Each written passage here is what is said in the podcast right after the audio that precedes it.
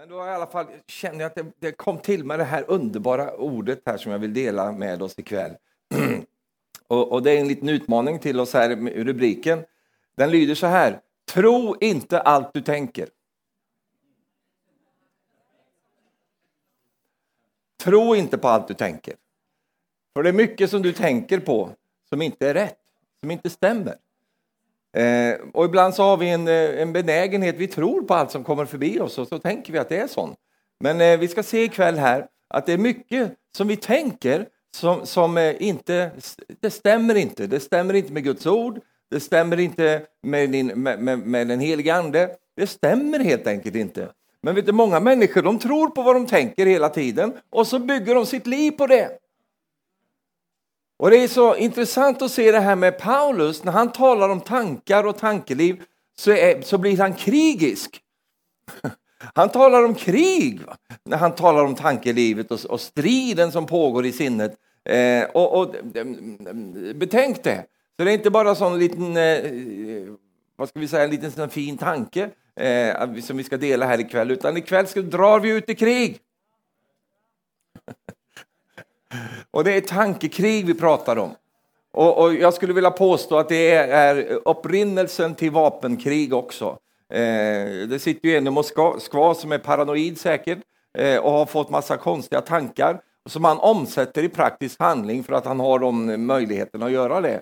Eh, men eh, det finns många som skulle kunna tänka sig att göra sådana saker om de bara haft möjligheten att göra det. Tack och lov att de inte har den möjligheten. Men det räcker med den som har den möjligheten gode tid alltså. Men, men det, det är ett, alltså en tankarnas krig och där har vi Guds ord som vill hjälpa oss, kan du säga efter mig. Amen. Titta på din vän som sitter jämte dig. Så här. Tänk inte. Jo, tänk ska du göra. Tro inte på allt du tänker. Du vet, du har tänkt om, om människor runt omkring dig ibland och fått för dig olika saker om människor. Att de är emot dig eller att de inte liker dig eller, eller sånt. Eh, och det är bara en som nickar där nere, men, men ni andra ni, ni sitter och låtsas, ni har tagit på den här kyrkblicken så att ni bara sitter och låtsas i mötet. Men vet, vi är människor allihop och vi, vi får för oss saker och ting. Visst har du fått för dig saker? Om andra människor till exempel. Och än värre, du får för dig saker om dig själv också. Jag ska bli lite personlig med dig ikväll bara så att du kan slappa av. Så jag tar allt sånt där på mig själv. Eh, och, och sånt. Men, men det händer att man får för sig tankar. Men då, ska, då, då är vår uppmuntran ikväll, tro inte på allt du tänker. Menar du att jag kan tänka fel? Vi kommer till det. Det står ju så här i Romarbrevet 12, vers 2, så står det så här. Anpassa er inte efter den här världen. Alltså, Låt inte världen bestämma hur du och jag ska leva. Inrätt er icke efter denna nåvarande, nåvarande världen. Låt inte den här världen, världen talar ju om för oss och försöker säga till oss hur vi ska tänka och hur vi ska leva. Paulus säger, han går i motsatt riktning, han säger anpassa er inte efter den här världen utan låt er förvandlas genom sinnets förnyelse så att ni kan pröva vad som är Guds vilja, det som är gott och fullkomligt och som behagar honom. Det är kraft av den nåd som jag har fått så säger jag till var och en av er eh, att ha inte högre vadå? tankar, stora tankar om sig själv än vad ni bör ha, utan tänk förståndigt efter det mått av tro som Gud har tilldelat var och en. Så eh, det, det kan ju vara så att, får, att det finns såna här människor som har så grandiosa tankar om sig själva. Och då tänker liksom, inte du alltså, men, men eh, det finns de som får sådana tankar, att de är liksom sån. Va? Och det beror ju på att de lever i en isolerad verklighet och, och, och liksom frodas i de här tankar, tankarna som de då lever med. Eh, och Paulus han drar ner det här på ett så skönt sätt och säger, ha inte för stora tankar om er, utan tänk i enlighet med det mått av tro som Gud har tilldelat var och en utav er. Jag menar, du kan ha en gigantisk tanke om, om dig själv eller om, om, om, om där du befinner dig. Men din tro räcker inte till för någonting av det där. Utan i överensstämmelse med det mått av tro som Gud har tilldelat oss så ska vi tänka också. Kan du säga amen till det? Ja, och då, då är han inne på det här med tankarna. Eh, och han säger, var förståndiga istället och, och, och tänk i linje med den tro som Gud har gett till dig. Halleluja, för där finns en glädje, där finns en härlighet och där finns en, en frid också. Eh, och det är vad Gud eh, vill för var och en av oss. Petrus, han tänkte fel. Inte jämt, men ibland så tänkte han fel. Vem var denne Petrus? Han var invigd, han var en av de närmsta lärjungarna till Jesus. Han var en, en som blev också väldigt brukt av, av samma Herre. Eh, han var den som fick vara med och, och kickstarta hela menighetens tidsålder. Han var ju en, en, en gigant på många sätt, en apostel. Men han tänkte fel. Han var väldigt nära Jesus också, men han tänkte fel. Så det går an att tänka fel. Nej, men nu är det för mycket mummel och för lite halleluja här. Alltså han, han, han tänkte fel, trots att han var rätt så tänkte han fel. Och Jesus fick korrigera honom. Och jag tycker det är så intressant och jag blir så uppmuntrad av denne Peter, eh, Petrus på svenska. Så, så vi ska gå och titta på honom lite grann här. Eh, I Matteus 16, i vers 21, så står det så här.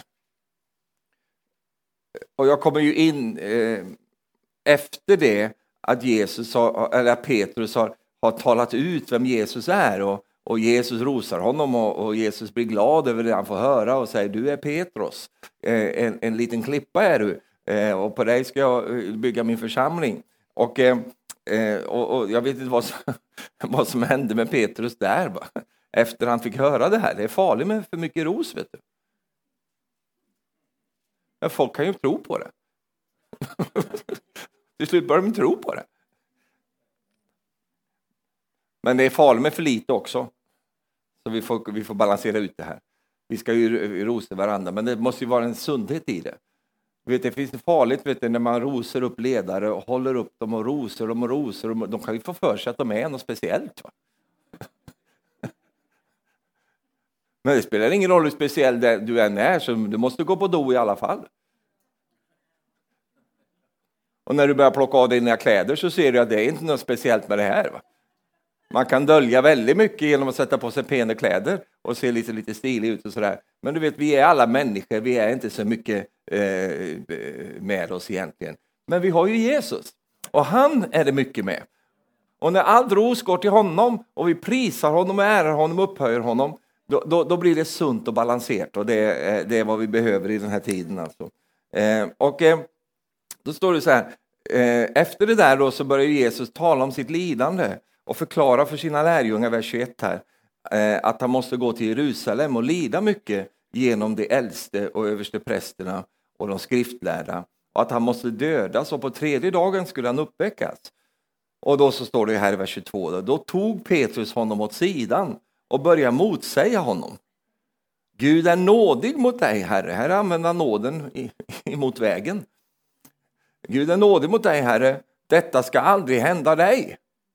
Och då så säger Jesus, här först vänder han sig om till honom och säger till Petrus, gå bort ifrån mig, men då Satan.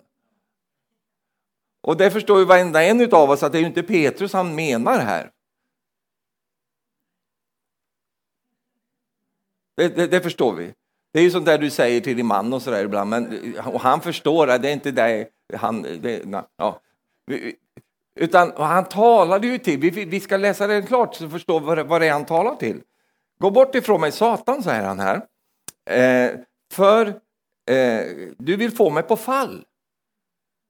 För vad du tänker är inte Guds tankar, utan människotankar.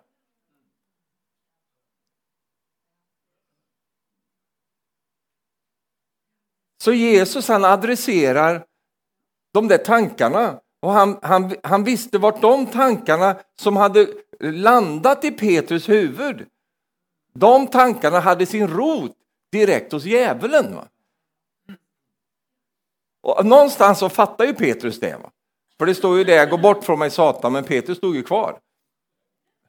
Så han fattade, det här är något som, det, det pågår någonting här som jag inte har riktigt pejling på.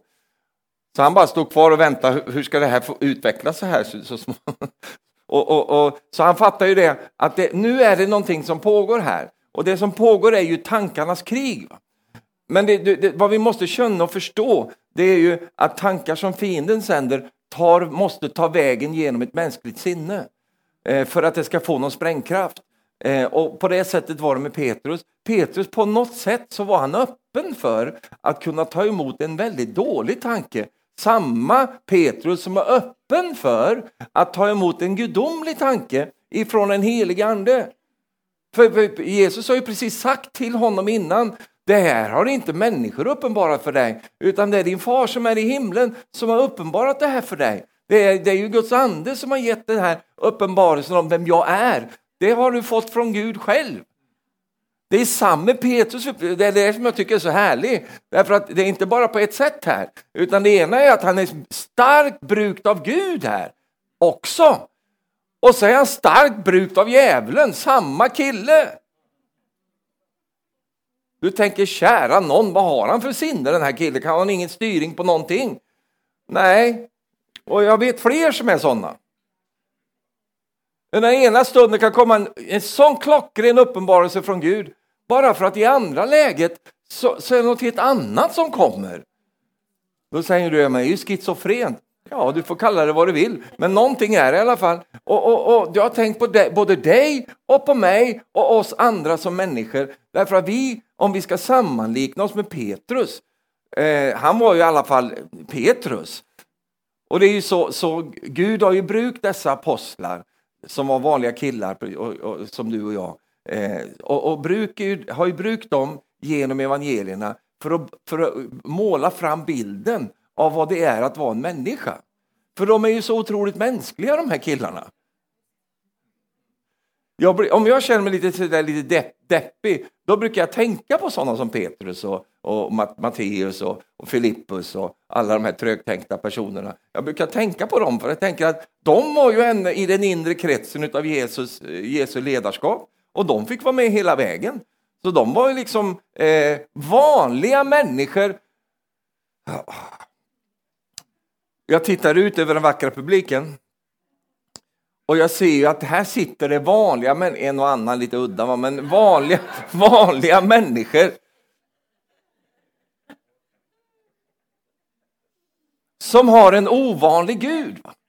Som har en ovanlig Jesus. Och de här killarna, för att det står ju om dem, men de blir förvånade över att de här, de här männen hade sån frimodighet. Därför att de var ju olärda män ur folket, ur folket. de kom bara ur folkhavet.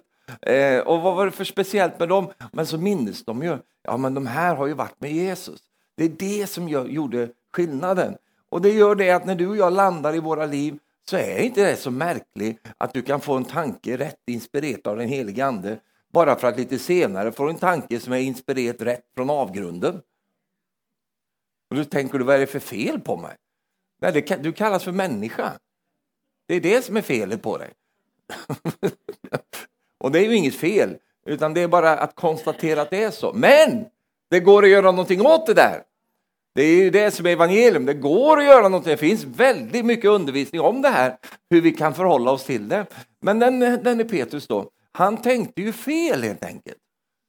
Och Jesus var tvungen att korrigera honom och säga till honom, dina tankar är inte Guds tankar, utan det är människotankar. Du tänker bara på ett mänskligt sätt. Det betyder att du tänker bara i den kontexten. Du tänker, ja, men du kan ju inte gå och dö nu Jesus, det blir fel, därför att vi har ju satsat allt på dig nu. Och nu har ju du liksom byggt upp ett litet imperium här liksom och det är väldigt många som följer dig. Och, och vi har ju liksom, vi har ett flow här nu. Vi är ju på gång Jesus. Vi, wow! Du kan ju inte komma här nu och ska du dö nu mitt i när vi stiger upp här. Det är, det är farligt att och, och liksom bromsa in eh, när man ska lyfta ett plan. Vi är på väg upp nu och så ska du gå och dö. Det funkar inte det här Jesus. Alltså han tänkte bara rent mänskligt. Men Jesus säger det där är inspirerat utav djävulen. Är inte det intressant då? Och vi förstår ju det när vi, när vi följer det här vidare här. Då förstår ju vi det, att det var ju precis det som Satan ville. Att Jesus skulle bara lägga ner sitt projekt, eh, det låter lite mm, oandligt kanske, eh, sin eh, plan eller sin kallelse och bara stanna där och inte gå den vägen som han hade beskrivit där, att han skulle bli utlämnad och dödad och allt det där. och att han sen skulle uppstå på den tredje dagen. Det verkar som att de inte hörde det. Utan han bara gick förbi dem. De hörde bara det där, jag kommer att lämnas ut och jag kommer att dö. Och det klarar inte Petrus där. Utan då fick han den tanken där, jag ska prata med Jesus, jag ska försöka rätta upp honom. jag ska korrigera honom lite grann, ta honom lite vid sidan om. Sådär. Farligt med människor som ska ta det vid sidan om. Oj, oj, oj. Som inte kan säga saker öppet till dig. Utan man, jag har en liten grej jag skulle säga till dig här. Ta det vid sidan om, bara du och jag. Var lite försiktig, det kan komma såna här grejer då. och Jesus han var ju så skön då, så att han lät honom, vilken ledare han var egentligen. Bara det att Petrus hade frimodighet att säga sånt där till Jesus. Bort det, vet du. Gud är nådig, ska inte ske med dig. Och nej, nej, nej, jag vet bättre, vet du. För det ska inte hända sådana saker med dig, käre Jesus. Och Jesus, vad håller du på med? Alltså, vi får ju tänka på vilken typ av tid som man levde i då. Det var ju diktatorer, va? det var ju patriarkat. Det var ju ett ledarskap där du nådde dig om du kom och ifrågasatte din ledare. Men Jesus hade en annan typ av ledarskap. Och det är det enda ledarskap som vi har fått att följa efter. Vi har inte fått någon ledarskapsmodell liksom som härrör från det gamla pakt, utan där man var livrädd eh, för kungen och allt det där. Utan vi har fått kungars kung som vårt exempel. Och han, vet, han var lite annorledes han. Han bodde med sina discipler. Han åt samma mat som de åt. Han levde ibland dem. Och ändå så hade han sån auktoritet och sån pondus. Det var ingen som kunde dra ner honom och liksom, oh, akta dig, don't touch the anointing. Nej, utan Jesus sa, toucha på bara, inga problem. Kan du säga halleluja? Ja, jag brukar tänka så tack Jesus för Jesus. Alltså. att, att vi har honom alltså, som vårt exempel vi kan titta på. Men i alla fall, men han var också skarp. Det var ju inte det att han var liksom, nej, utan han var skarp. Han var skarp mot Peter här nu. Och Petrus på, på något sätt förstod det där, att han hade tänkt fel helt enkelt. Du vet att om vi tänker fel så kan vi också ändra oss. Vet du vad, om, vet du vad omvändelse betyder? Det, det grekiska ordet för omvändelse är sinnesändring. Det är att jag tänkte så här förut, men nu tänker jag inte så längre. Jag har ändrat mina tankar. Det är liksom kraften i omvändelse. En del försöker göra omvändelse till någonting som sker med, med, med kroppen bara, eller sker med händer och fötter. Och att jag, så. Det kan bli en konsekvens av det, men det börjar inte med det. Utan det börjar med att jag ändrar mitt tankesätt. Att jag slutar tänka så här och så tänker jag så här istället. Så om jag tänker fel så kan jag få hjälp att tänka rätt. Halleluja.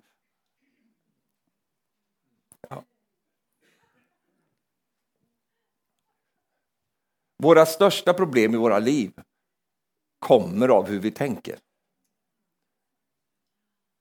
Det, det, det är därför det är så, så kraftfullt det här med, eh, med eh, undervisning om det här. Därför att det är så mycket som, som, som påverkas i våra liv när vi, när vi tillåter fel tankar. Och när vi börjar tro på de tankarna också.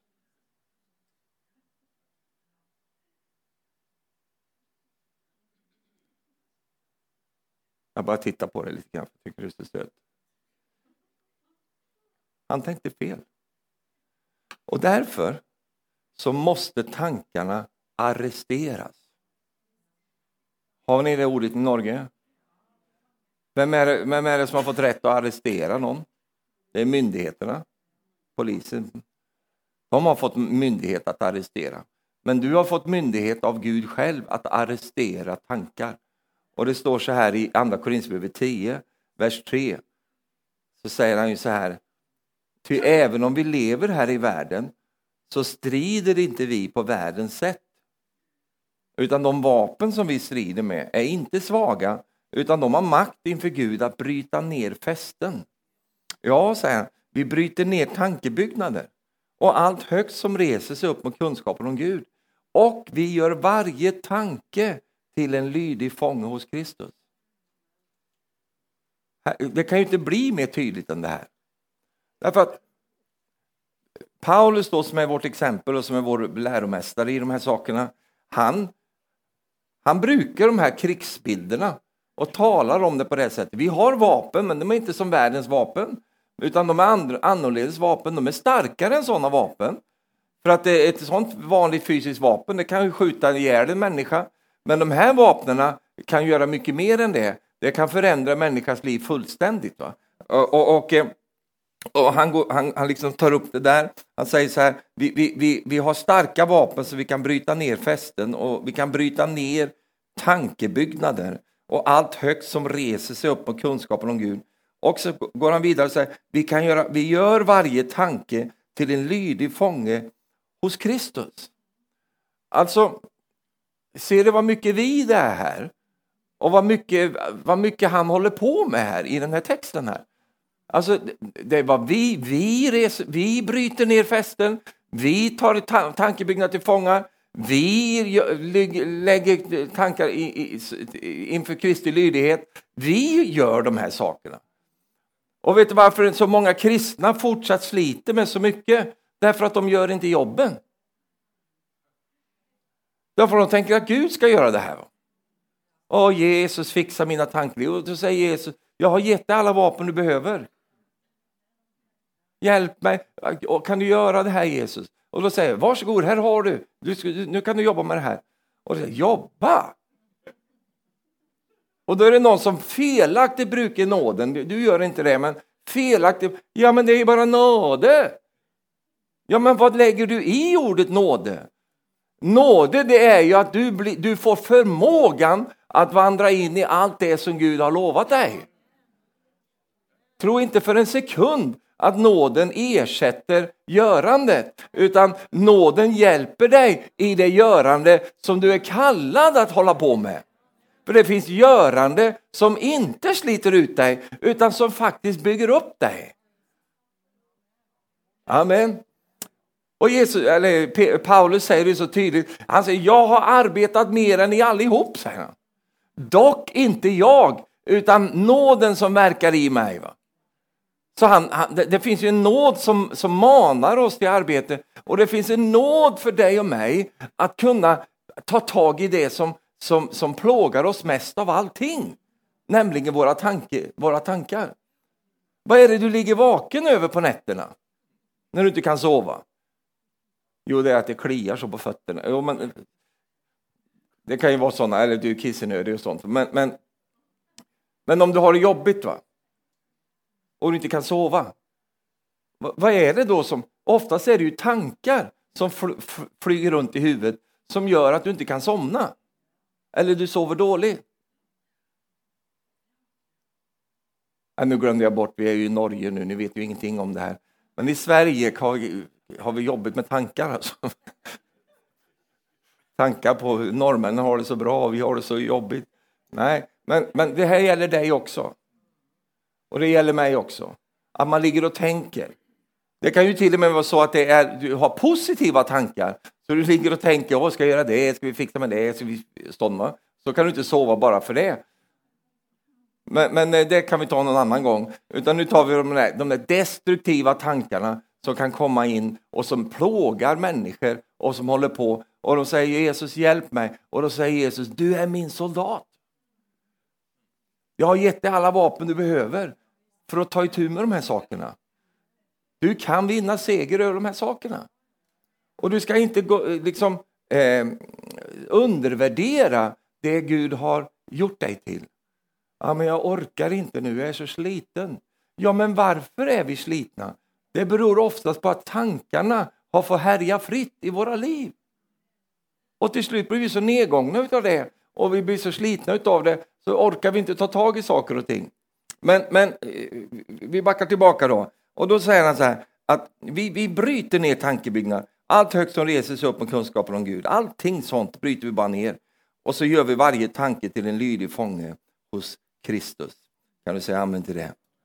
Det leder mig till vi måste se det, att våra tankar måste prövas med Guds ord. För vi har ju fått ett fantastiskt instrument i det vad Guds ord är och vad Guds ord kan leverera. Det är att Guds ord har en förmåga att hjälpa oss att dissekera mellan tankar. På samma sätt som Peter kunde tänka en Guds tanke kunde han ju tänka en, en, en demonisk tanke. Eh, men vet du vad, vi har fått ett instrument va? Och det är Guds ord som vi kan bruka här. I, Hebreerbrevet 4, vers 12 så står det så här. Ty Guds ord är levande och verksamt. Det är skarpare än något tvegat svärd. Här är, är igen va? så är det vapen han pratar om här. Ett svärd. Nu kanske du är pacifist eller, sådär, va? eller allmänt trist. Men, men alltså, jag vet inte vem du är för en type. Men, men eh, det, och det spelar ingen roll om du är det. För i andens värld kan man inte vara pacifist. Det går inte. I den stund du tänker, ja men sån är jag. Nej, men inte i Guds värld. Det fungerar inte, därför att vi har en fiende. Jag sa, vi har en fiende. Om han, om han får för sig att, eller om, om han får höra att du är en andlig pacifist som inte strider och gör ingenting. Ja, men men när man får höra att du har en massa vapen och du är, du liksom, du är beväpnad upp till tänderna.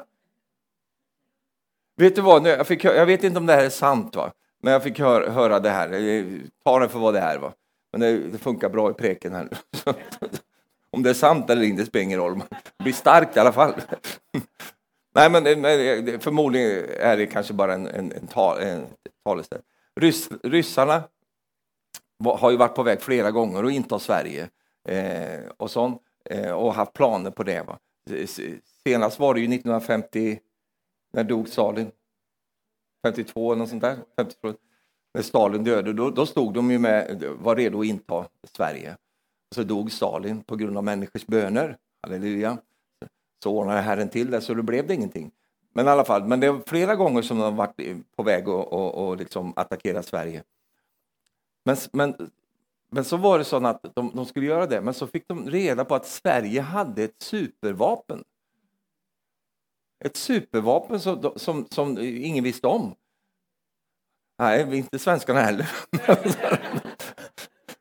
ett, ett riktigt sånt. Så, så och jag har inte liksom, jag har bara läst det här nu, så jag har inte kollat upp källorna och så. Va? Men det spelar ingen roll. Men, men, för poängen är denna, att fienden tror, eller vi backar lite. Det är bra om fienden tror att du har ett supervapen. Jag menar, kära någon, va? Om, du, om du skulle sitta på kärnvapen hemma i din stuga där hemma och du har någon knapp du kan trycka på när du vill det är klart att det, det, de, de som går förbi ditt hus, de går ju lite extra, de, de tar ju inte den vägen med hunden på kvällen. Utan de, de, de den, den, där har ju värstingvapen där inne, kan ju liksom ödelägga hela byn. Här. Och det är, det, det är precis så man använder de här typerna av vapen. Man säger ja, passar du, jag kan använda det här. Och sånt. Men fienden, om han om man får reda på att du har inga vapen, du har ingenting, du sitter bara där liksom och inshallah, oh, jag har ingenting, jag gör inget, oh, nej då, oh, jag älskar alla, jag älskar djävulen med, oh, jag älskar allt som finns. Va? Då, då, han, han bara föraktar ju sånt. Va? Men om han vet att du har massa redskap hemma hos dig i ditt liv. Så att om han skulle få för sig att han skulle börja eh, bråka med dig så, så, så, så, äh, så är det han som får beräkna kostnaden. Va? Är, är jag villig att kom, komma emot den här personen för jag riskerar att springa naken därifrån?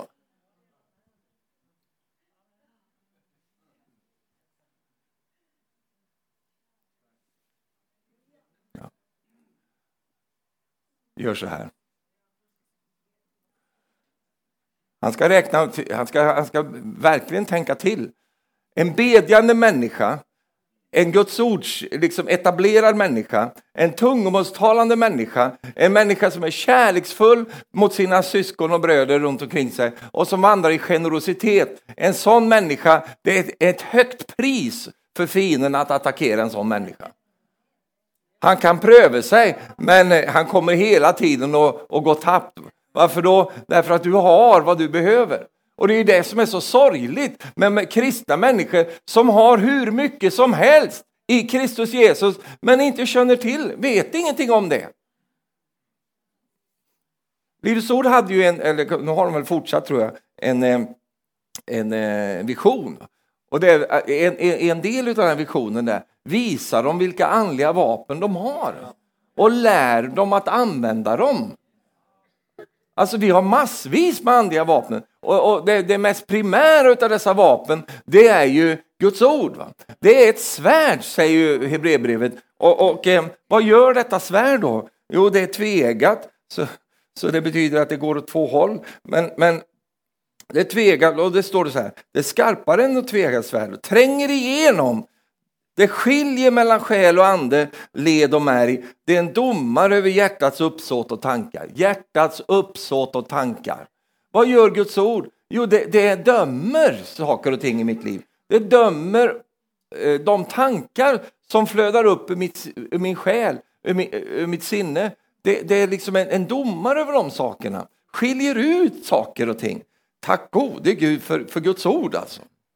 Därför att om jag lämnas ensam av alla mina tankar, ja men då blir det ju det att jag, jag, det är upp till mig att jag ska tänka, eh, liksom, är det här bra eller är det dåligt eller så. Men vi har ju Guds ord, så vi kan bruka Guds ord till att se, vad är det här för tankar egentligen?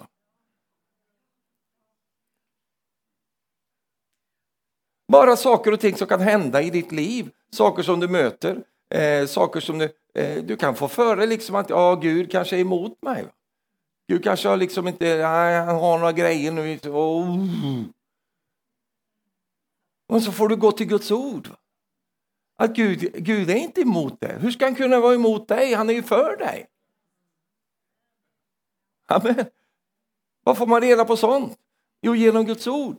Men du har ju många gånger fått tankar som, som liksom slår emot dig på olika sätt. Och då är det så skönt att veta vad säger Guds ord om de här sakerna? Så att jag har någonting, att, ett bräckjärn, ja, alltså ett vapen helt enkelt, så jag kan använda emot fienden.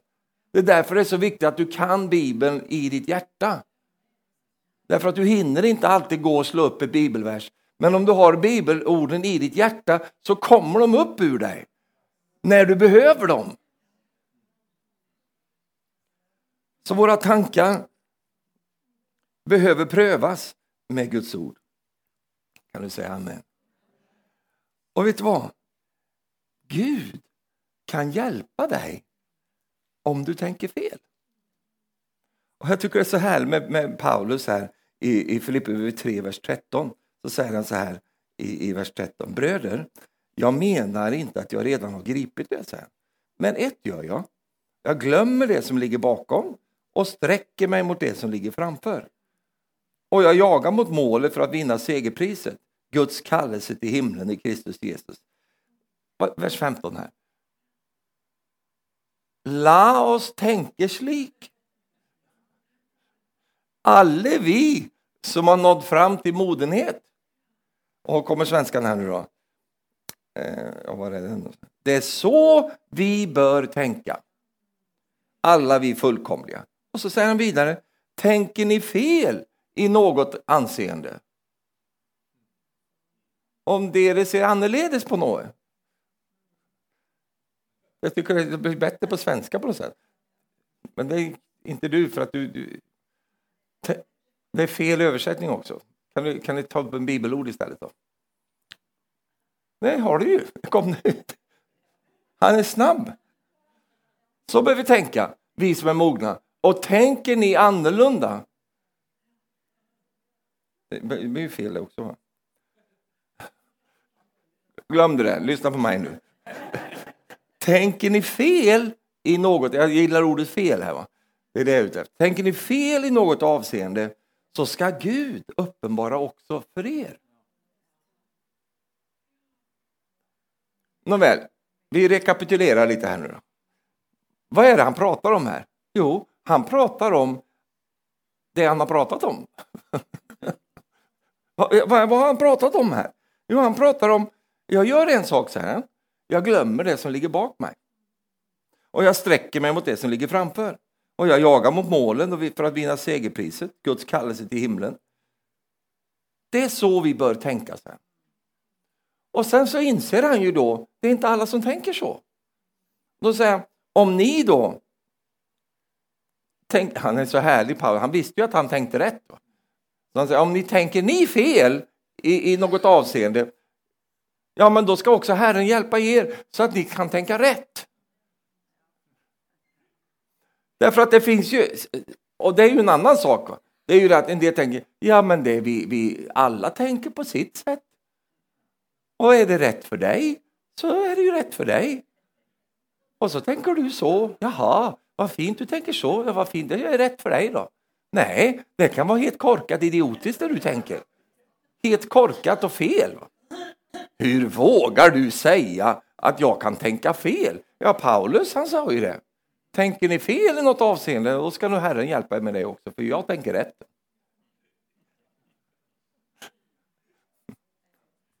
Ja. Han är frimodig, vet du. Vet du varför han är frimodig? Därför att han hade rätt.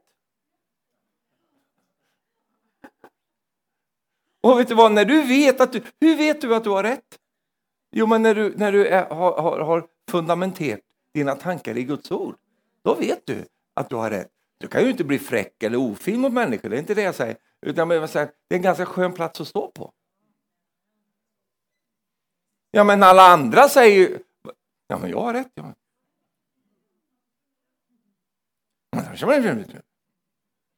Ja, jag har lika rätt i alla fall.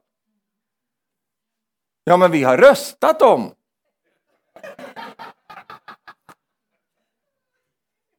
Så, så årsmötet har nu röstat om det här och majoriteten har bestämt det här. Nej, skit väl jag i. Ursäkta min svenska. Inte väl jag i. Jag har rätt i alla fall.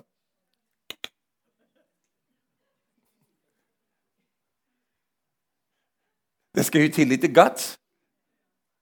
Och framförallt vissheten om att man har rätt. För det har ju visat sig till, ja. Är du säker på att det här är rätt väg, pappa? Jajamän. Det är rätt. Jag tycker det känns lite... Nej, du känner för mycket. Det är helt rätt det här. Leder den här vägen verkligen till Oppdal? Jag bara tog ett i. Jag vet inte varför jag kom på Oppdal, men... Är det verkligen... Är vi på väg till Oppdal? Jajamän. Det är lite snö i år, va? Nej, det är massor av snö i Oppdal. Jag tycker inte det är så mycket snö här ute nu. Det, det är väldigt mycket gräs och grejer. Och, är, du, är vi verkligen, åker vi norrut nu? Norr nu pappa? Jajamän. Har du rätt? Ja. Jag har rätt. Jag pratar av egen erfarenhet här, nu förstår du.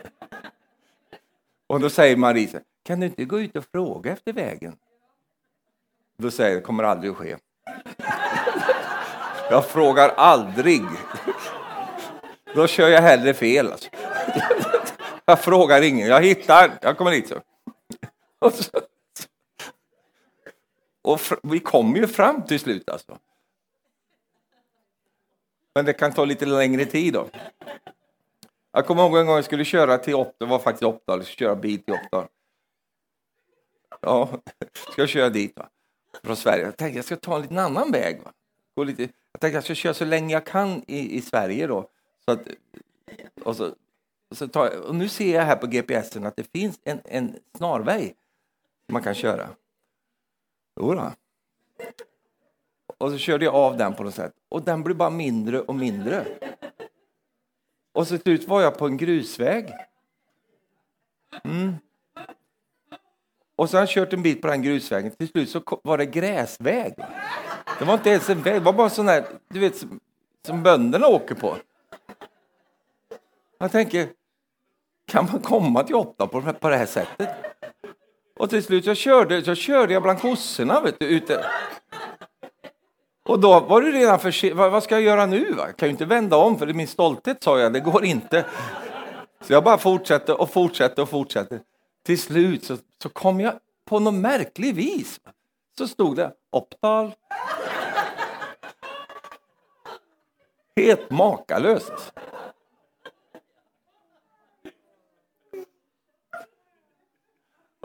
Och vet du varför jag var så bevisst? Jag hade ju GPSen. När du har Guds ord, har du GPSen. det ser väldigt märkligt ut den här vägen nu. Va? Kan vi komma, kan vi verkligen, är det rätt väg det här? Jajamän. För vi har den tryggheten, vi stoler på den. Amen.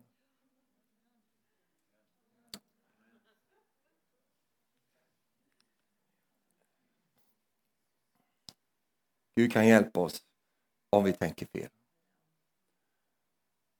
Har du tänkt i ditt liv någon gång saker och ting som du med din logiska sinne så förstår du att ja, det är inte så här. Nej, logisk. Logik. Har ingen sån eller? Alltså du vet, det här är inte sån. Men du upplever sån i alla fall. Jag hade ju en krasch här för några veckor sedan. Eh, riktigt rejält. Va? Och det, då var det en obe, obehaglig sak som hände med mig. Och det var det att då, hela systemet, liksom, efter hjärtkollapsen där och allt sånt där, så blev hela, hela systemet bara gick rätt ner. Va? Och man var ju öh, så här. Och helt plötsligt kom det tankar som inte jag brukar ha. Va? En av de här tankarna var det här. Du är värdelös, Stefan. Du är fullständigt värdelös. Du kan ingenting. Nu vet ju jag att jag kan en del saker. Se inte så förvånad ut nu. Mm. Kan du en del saker du? Men jag vet det. Jag kan fixa bilar, jag kan grejer, jag är, jag är en handyman. Jag kan fixa saker. Men vet du att då skulle jag bara byta någon liten grej. Va? Sånt som är, du kan inte det här. Du är värdelös. Du kan ingenting du. Och, men då är jag har lärt mig det här genom mitt liv, bara för att ge lite tips. När sånt där saker händer, då tar jag notater. Alltså inte sätter mig inte ner och skriver så, utan jag tar i huvudet. Så tar jag notater. Då tänker, jaha. För det här, jag är ju inte ensam om att få uppleva sådana här saker. Jag vet ju det, för det är ju precis, du har ju upplevt precis samma sak. Häckande, är du profet? Nej, jag är människa. Du har upplevt exakt samma sak. Olika tankar om dig själv. Finns det någon här som har tänkt när du har tittat på dig själv i spegeln och så tänker du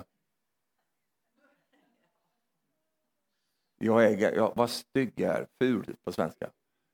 Jag är så ful. Är det någon som har tänkt sån tanke någon gång? Det är en där nere, ni andra ser. Och så kommer du ut från spegeln där och så går du fram till gubben där, eller gumman. Vad syns det om mig? Syns det jag är pen eller så? Och då är det så enormt viktigt att gubben säger exakt rätt där. Va? För annars så kan det bli en megakris alltså. Ja, gumman min, du har ju lagt på dig lite på sista tiden här nu. Det är klart att det, det sväller lite här och där. va? Det är det sista du ska säga där alltså. Utan det spelar ingen roll om hon, om hon är tjock som en, en, en, en valross. Va? Så säg inte sådana saker. Du är så fin, du är så fin, åh vad fin du är, du blir bara vackrare. Ta, kan du ta på dig kläderna igen för att det, det, det, det hjälper.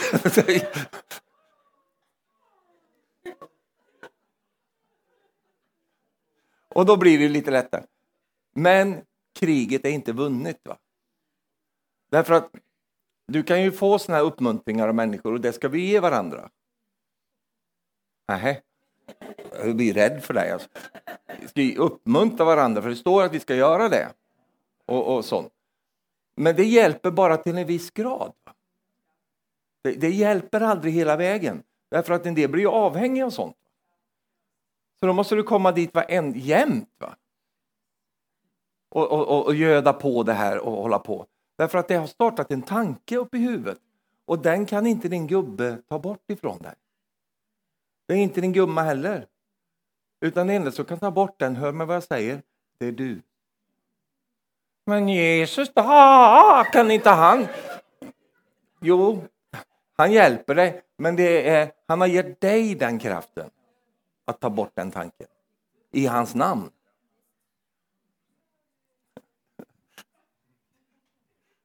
Du är värdelös, Stefan. Du är helt värdelös, kan ingenting. Och det, och det var så obehagligt. Va? För det kändes så verkligt. Så jag skulle bara fixa någonting och sa till Maria, jag tror inte jag kan det här. Vad då inte kan? Du har ju renoverat hela huset, du har grejer hur mycket som helst. Ja, men jag känner att jag inte... Och då kom den här. Jag börjar bli lite gammal. Vad då gammal? Du är väl ingen gammal? All, dina kompisar är ju mycket äldre än dig. Du är inte så gammal. Sluta med det. Varför tänker du så där för? Varför tänker du så där? Jag bara känner det, det är så jobbigt. Jag, jag sa att jag skulle vara personlig här idag för att du skulle kunna känna dig lite trygg här. Du förstår väl att jag inte pratar om mig? Va? Jag pratar om dig här. Jag använder mig själv. Va? Så du kan bara slappa av lite grann, att det är inte, du är inte onormal. Tror jag. Utan det här är, inte, det är normalt, men det är väldigt obehagligt. För när det kommer så kan det komma då när du är lite nedsatt, när du är lite, lite uttömd, när du är lite sleten, du är lite trött, Eh, eller det har hänt någonting. Så kan, så, och då kommer det ofta med brev på posten. Då kommer fienden in där, för han vill ödelägga dig. Och hur gör han det? Jo, han ödelägger inte det genom att liksom punktera dina vinterdäck eller liksom ödelägga din motor. Det är inte sättet han jobbar på, utan han ödelägger människor genom att sända tankar in i deras sinne som de ska börja tro på. Men eftersom jag då vet, logiskt sett sa jag, när min logik säger Stefan, det här, du kan det här. Du kan allt det här. Ja, men det kom en tanke, jag inte kan det här. Och därför gjorde jag en analys under den här tiden, för jag kände att det här ska jag hjälpa folk med. Så analyserade jag det här. Och då tänkte jag, hur ska jag bete mig i det här läget då? Hur ska jag göra med de här tankarna? För de plågar mig verkligen. Det var jättejobbigt. Jag tänkte, och sen kom nästa tanke, det, nu är det slut Stefan. Det är över med dig nu. Det är färdigt nu. Nu kan du liksom eh, beställa din eh, rullstol nu och, och, och göra så, så, så, så liksom, nu, nu, bara droppa allting nu, nu är det färdigt. Nu. Jag hade en fin tid, men nu är det över. Jättejobbiga tankar. Skitjobbigt. Superjobbigt. Så kom det man mata på det. Men så tänkte jag, men hallå, jag har ju andra löften Gud har talat till mig om. De har ju inte gått i fullbordan än. Så vem är det som håller på att prata med mig nu? Men eftersom det är demoniska tankar, för det är vad det är, det är demoniska tankar så har de en andlig kraft i sig. Och det är det här som du känner ibland, det, det, puff, det slår dig rätt in i, i, i sola plexus. Det bara dunkar till så här. Och du känner, oh! Och då tänker jag, vad, vad ska jag göra? Jag var, för, jag var så trött och sliten, så jag orkar ju inte strida så mycket på det sättet som man gör annars. Men då, hade jag, då bestämde jag mig så här, och det, det tror jag Jesus gjorde också. Han hörde djävulen säga saker till honom genom hans tankeliv. Så bestämde han sig för, nej, jag behöver inte skrika eller härja nu, hålla på, utan jag bara, jag bara liksom eh, punkterar de där tankarna genom att säga det där stämmer inte. Det stämmer inte. Gå bort. Alltså, Satan fick ju, plågade ju Jesus och säger Jesus, nej men Guds ord säger så här. Han bara använder det hela tiden. Men Jesus han var ju försvagad fysiskt. Han hade fastat, vattenfasta på 40 dagar. Du vet, då är du ju nästan döende. Va? Eh, och då är han, var han svag, va? rent fysiskt. Då kom djävulen. Han visste, nu kan jag ta honom, för nu är, han, nu är kroppen nedbruten, så nu kan jag ta honom. Och så, så prövar han sig. Och när han prövade sig så svarade Jesus upp med Guds ord bara. Nej, men det det stämmer inte. Eh, och så bara höll han honom borta därifrån. Och det är därför jag fick den här rubriken, tro inte på allt du tänker.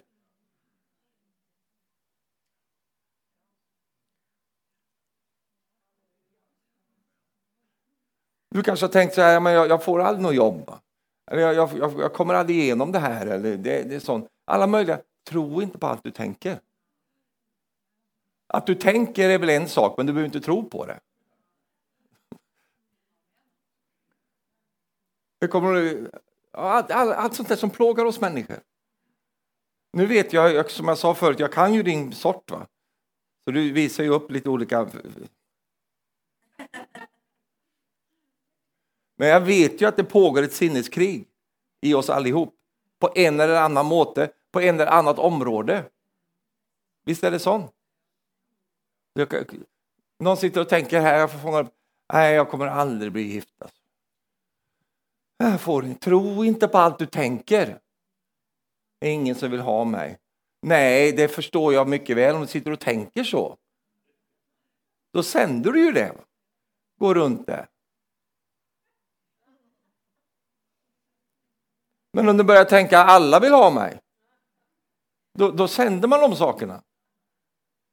Så, så jag tror att man behöver ibland ta tag i sina tankar, även om man är nedsatt. Då.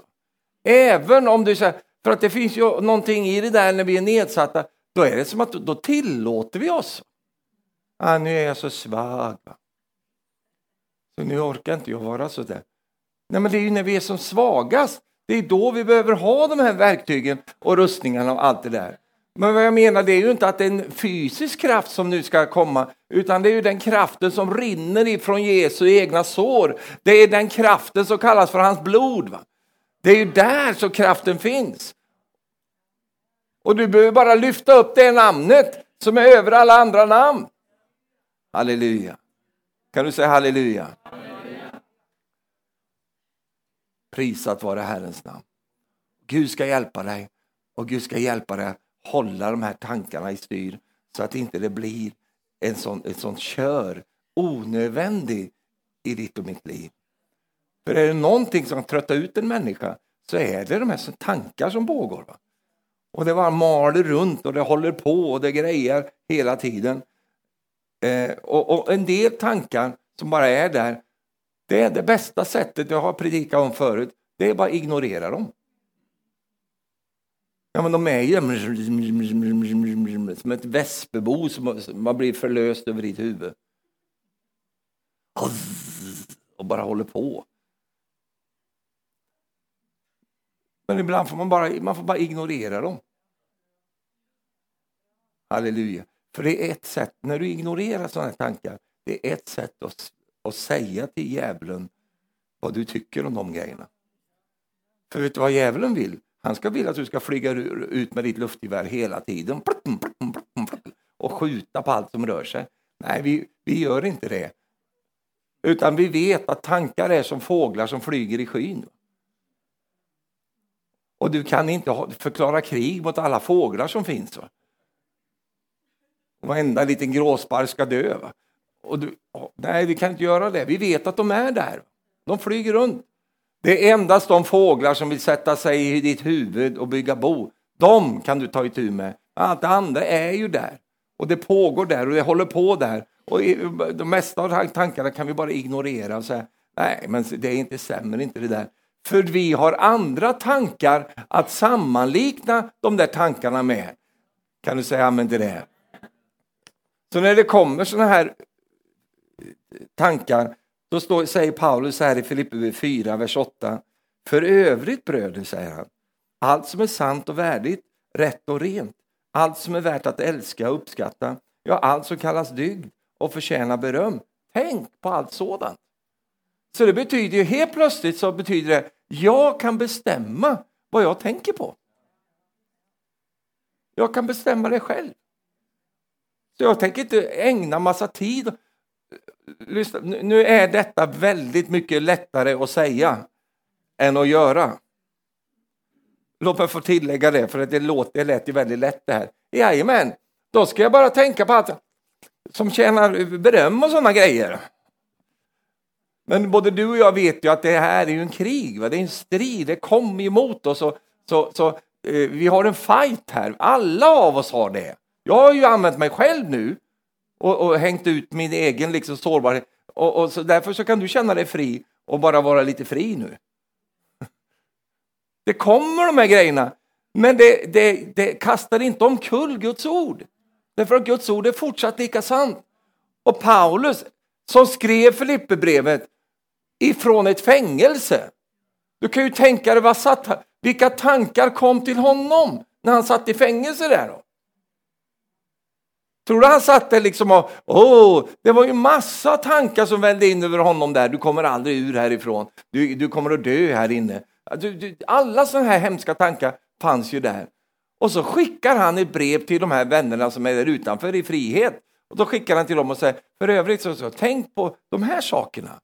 det som förtjänar beröm och, och allt som är värt att prisa. Ägna er tanke åt det. Sök sådana tankar. Även nu i en tid där världen är i kris, när, när Europa är i kris, när, när, när eh, liksom, och det är massa grejer som kommer emot oss. nu. Vad tänker vi på då? Vad, vad är våra, vart går våra tankar? Vad tänker vi på? För du vet att vi ska hjälpa väldigt många eh, som kommer till oss nu. Va? Och det gör vi ju redan. Sverige översköljs ju nu av eh, ukrainare. Va? Vi har ju precis kom, kommit igenom från den förra vågen eh, och, och sånt. Men, men, och i Norge kommer det också. Så vi, vi, vi får ju allt det här. Va? Men vad ska de komma till för någonting? Ska de då komma till sådana som sitter här och tänker så negativt och deppigt och tungt och det blir ingen framtid, vad jobbigt, världens krig kommer nu, hula bula, och vi håller på där. Det, är ju inte, det hjälper väl inte dem, utan vad vi ska komma till, med människor, det är ju vad de behöver är hopp, va? de behöver mod, de behöver tänka Guds tankar. Halleluja. Och då ska vi vara fyllda av detta. Jag älskar ju Arnes positiva inställning till det mesta i livet. Och det, det är ju det här lösningstanken. Att oavsett vilken omständighet vi än hamnar i så finns det en lösning. Det var väl Einstein som sa det tror jag. Det finns ju de människorna som ser lösningar i alla problem. Men sen så finns det ju de människorna som ser problem i alla lösningar. Va? Det finns de. Och vet du varför det finns det där? Det är för att det beror på hur man tänker. För det, det spelar ingen roll va? hur mycket bra lösningen än har kommit. Ja, jag ser ett litet problem i det där. Eh, eh, den där sidan där, förstår du, det blir så jobbigt. Men... Umgås inte med sånt folk. Va? De ser problem i allt. Va?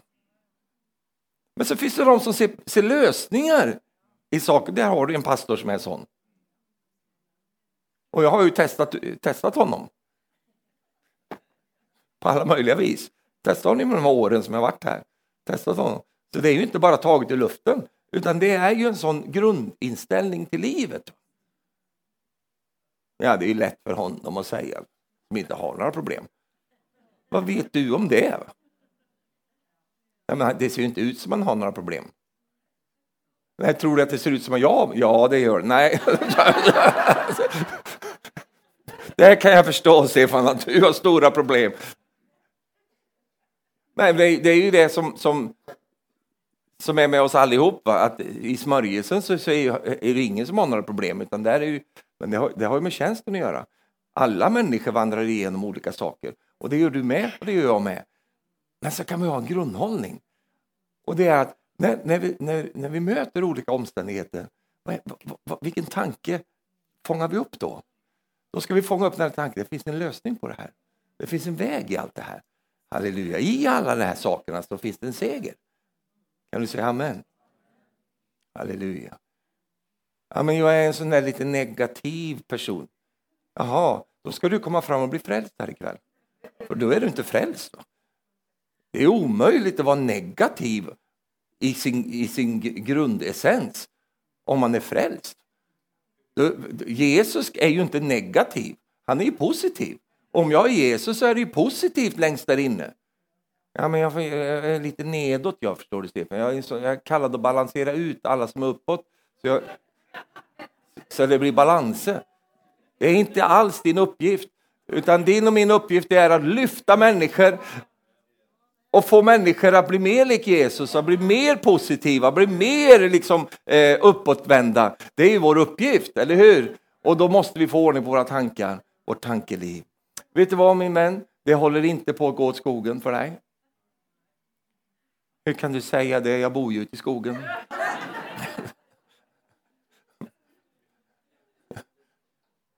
Det kommer inte att sluta dåligt för dig.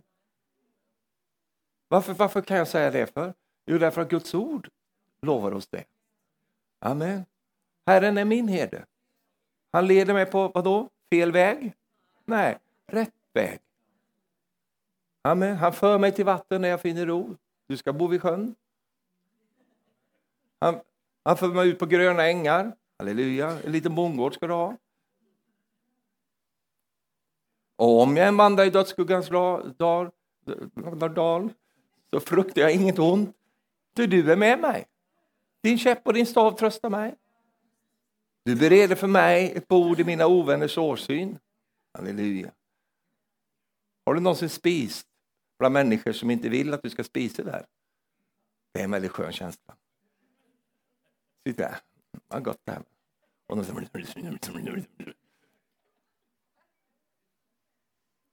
och du ska åter få bo i Herrens hus i vinnerlighet. Och sen finns det också en passus där. Godhet och nåd ska följa mig i alla mina livsdagar.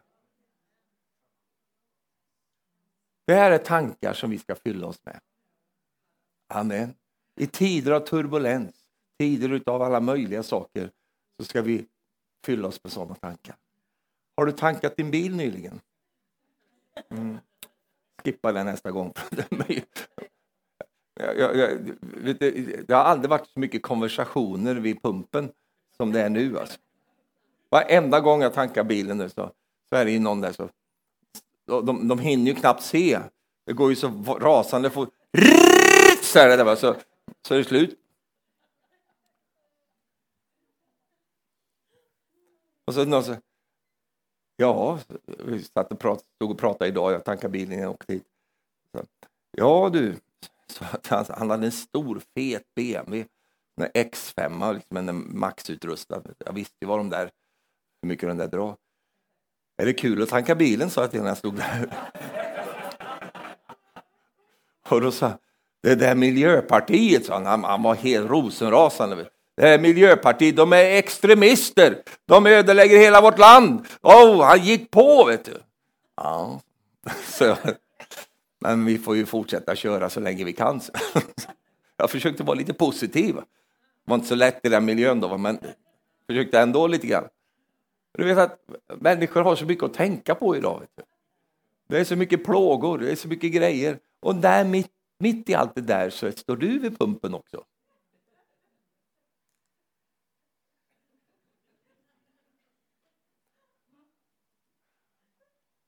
Då kanske du ska göra som den här bibelskoleeleven gjorde som gick på Livets Ord för många år sedan och kom så glad. Vet du, så. Halleluja! De var alltid så halleluja! Jätteglad, kom in till böneskolan, där eller bönemorgonen. Och jag har ett vittnesbörd idag. Vi fick slut på bensin. Bilen stannade. Men i Jesu namn så hällde vi vatten i tanken och sen startade det gick så bra i hela vägen. Och jag som är motorkille vet, tänkte, vad hällde du i sa du? Vad har det i för någonting? Ja. Det var likadant med Ulf, pastor Ulf, han, han, han kunde ingenting om bilar, va? inte någonting. Han skulle köpa en bil. Så gick han, visste han, sparkade han lite på däcken så här. Va? Är den bra den här? Det spelar väl ingen roll han köpte den i alla fall och den hade han jätte, inte så jättelänge, men han körde ju väldigt mycket då på den tiden. En Ford Granada var det, och ganska fin. Och sen sa han, Stefan, nu ska jag byta bil. Va? Vill du köpa den här bilen? Okej, okay. ja det kan vi göra. Så jag köpte den då. Så hade jag, den, jag hade den i tre dagar. Eller en vecka kanske. Så skar hela motorn ihop. Jag bara skar ihop hela motorn. Så gick jag tillbaka och du, den där bilen som du sålde till mig. Ja, jättefin. Den var så fin. Luft i däcken hela tiden. Det var jättebra. Jo, men jag tänkte inte på däcken nu. Jag tänkte på motorn. Bytte du olja och så där på den regelmässigt? Olja? Ja, nej, jag körde med den. Jo, men du måste ju byta olja på den och serva den. Ja. Han hade bara kört med den fullständigt, så lämnade till mig och så skar ju hela bilen ihop. Och då tänk på det, va? han var ju så positiv när det gäller bilar för han kunde inget. Va? Jag kan, kunde så mycket så jag blev så negativ. Va? För jag, jag, jag, kan stanna min bil på motorvägen om jag hör en liten sån missljud någonstans. Jag river isär hela, hela kupén och allting. Jag säger Marie, måste stanna nu. Vadå? Det låter, det låter där i handskfacket. Det låter. Vadå låter? Det låter ingenting, säger hon. Jo, hör, vi river ut alltihop. Jag måste ta reda på vad, det är för en skruv som, som har lossnat här nu. Fixa det. Och det är ju lite sånt att vår, när vår egen kunskap förlitar dig inte på ditt förstånd, säger Guds ord. För ibland är det så att det, du kan så mycket och därför får du så mycket tvångstankar och så mycket problem med vissa saker. Därför att du ägnar dig bara åt din egen kunskap och det du har kunskap om. Och då får man ju problem med sådana här vittnesbörd som kommer till bibelskolan. Jag tankade vatten, det gick jättebra. Jag, jag fick inte ihop det. Jag sa, du bara hitta på.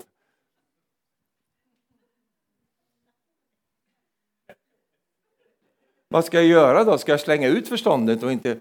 Nej, det ska du inte göra. Utan istället förstå detta, att det finns ett förstånd i Gud. Va? Och att istället för att låta det som kanske är din stora fördel och en stora, stora sak i ditt liv, det är du bra på de här sakerna. Det kan också vara det som plågar dig så mycket. Varför då? För att det, där är du avhängig av dig själv bara. Men prisat vare Gud. Ja, men du kanske är en sån duktig människa, du kanske är en sjuksköterska eller något sånt där. Eller någon doktor eller någonting sånt där. Och så fort någon knakar lite grann, ha nu håller benen på att gå av på den där gubben där. Vadå benen? Det går helt knakar. Det knakar väl lite hela tiden. Det är väl inget. Du vet vi människor hur vi är. Och då, istället då för att bli okunnig om saker och ting så kan du istället lyftas upp i de tankar som kommer ifrån Gud. Va? Och förstå detta, att du kan bruka ditt förstånd och dina kunskaper men lägg till dimensionen som heter Herren och hans ord. Halleluja. Kan du säga halleluja? Amen.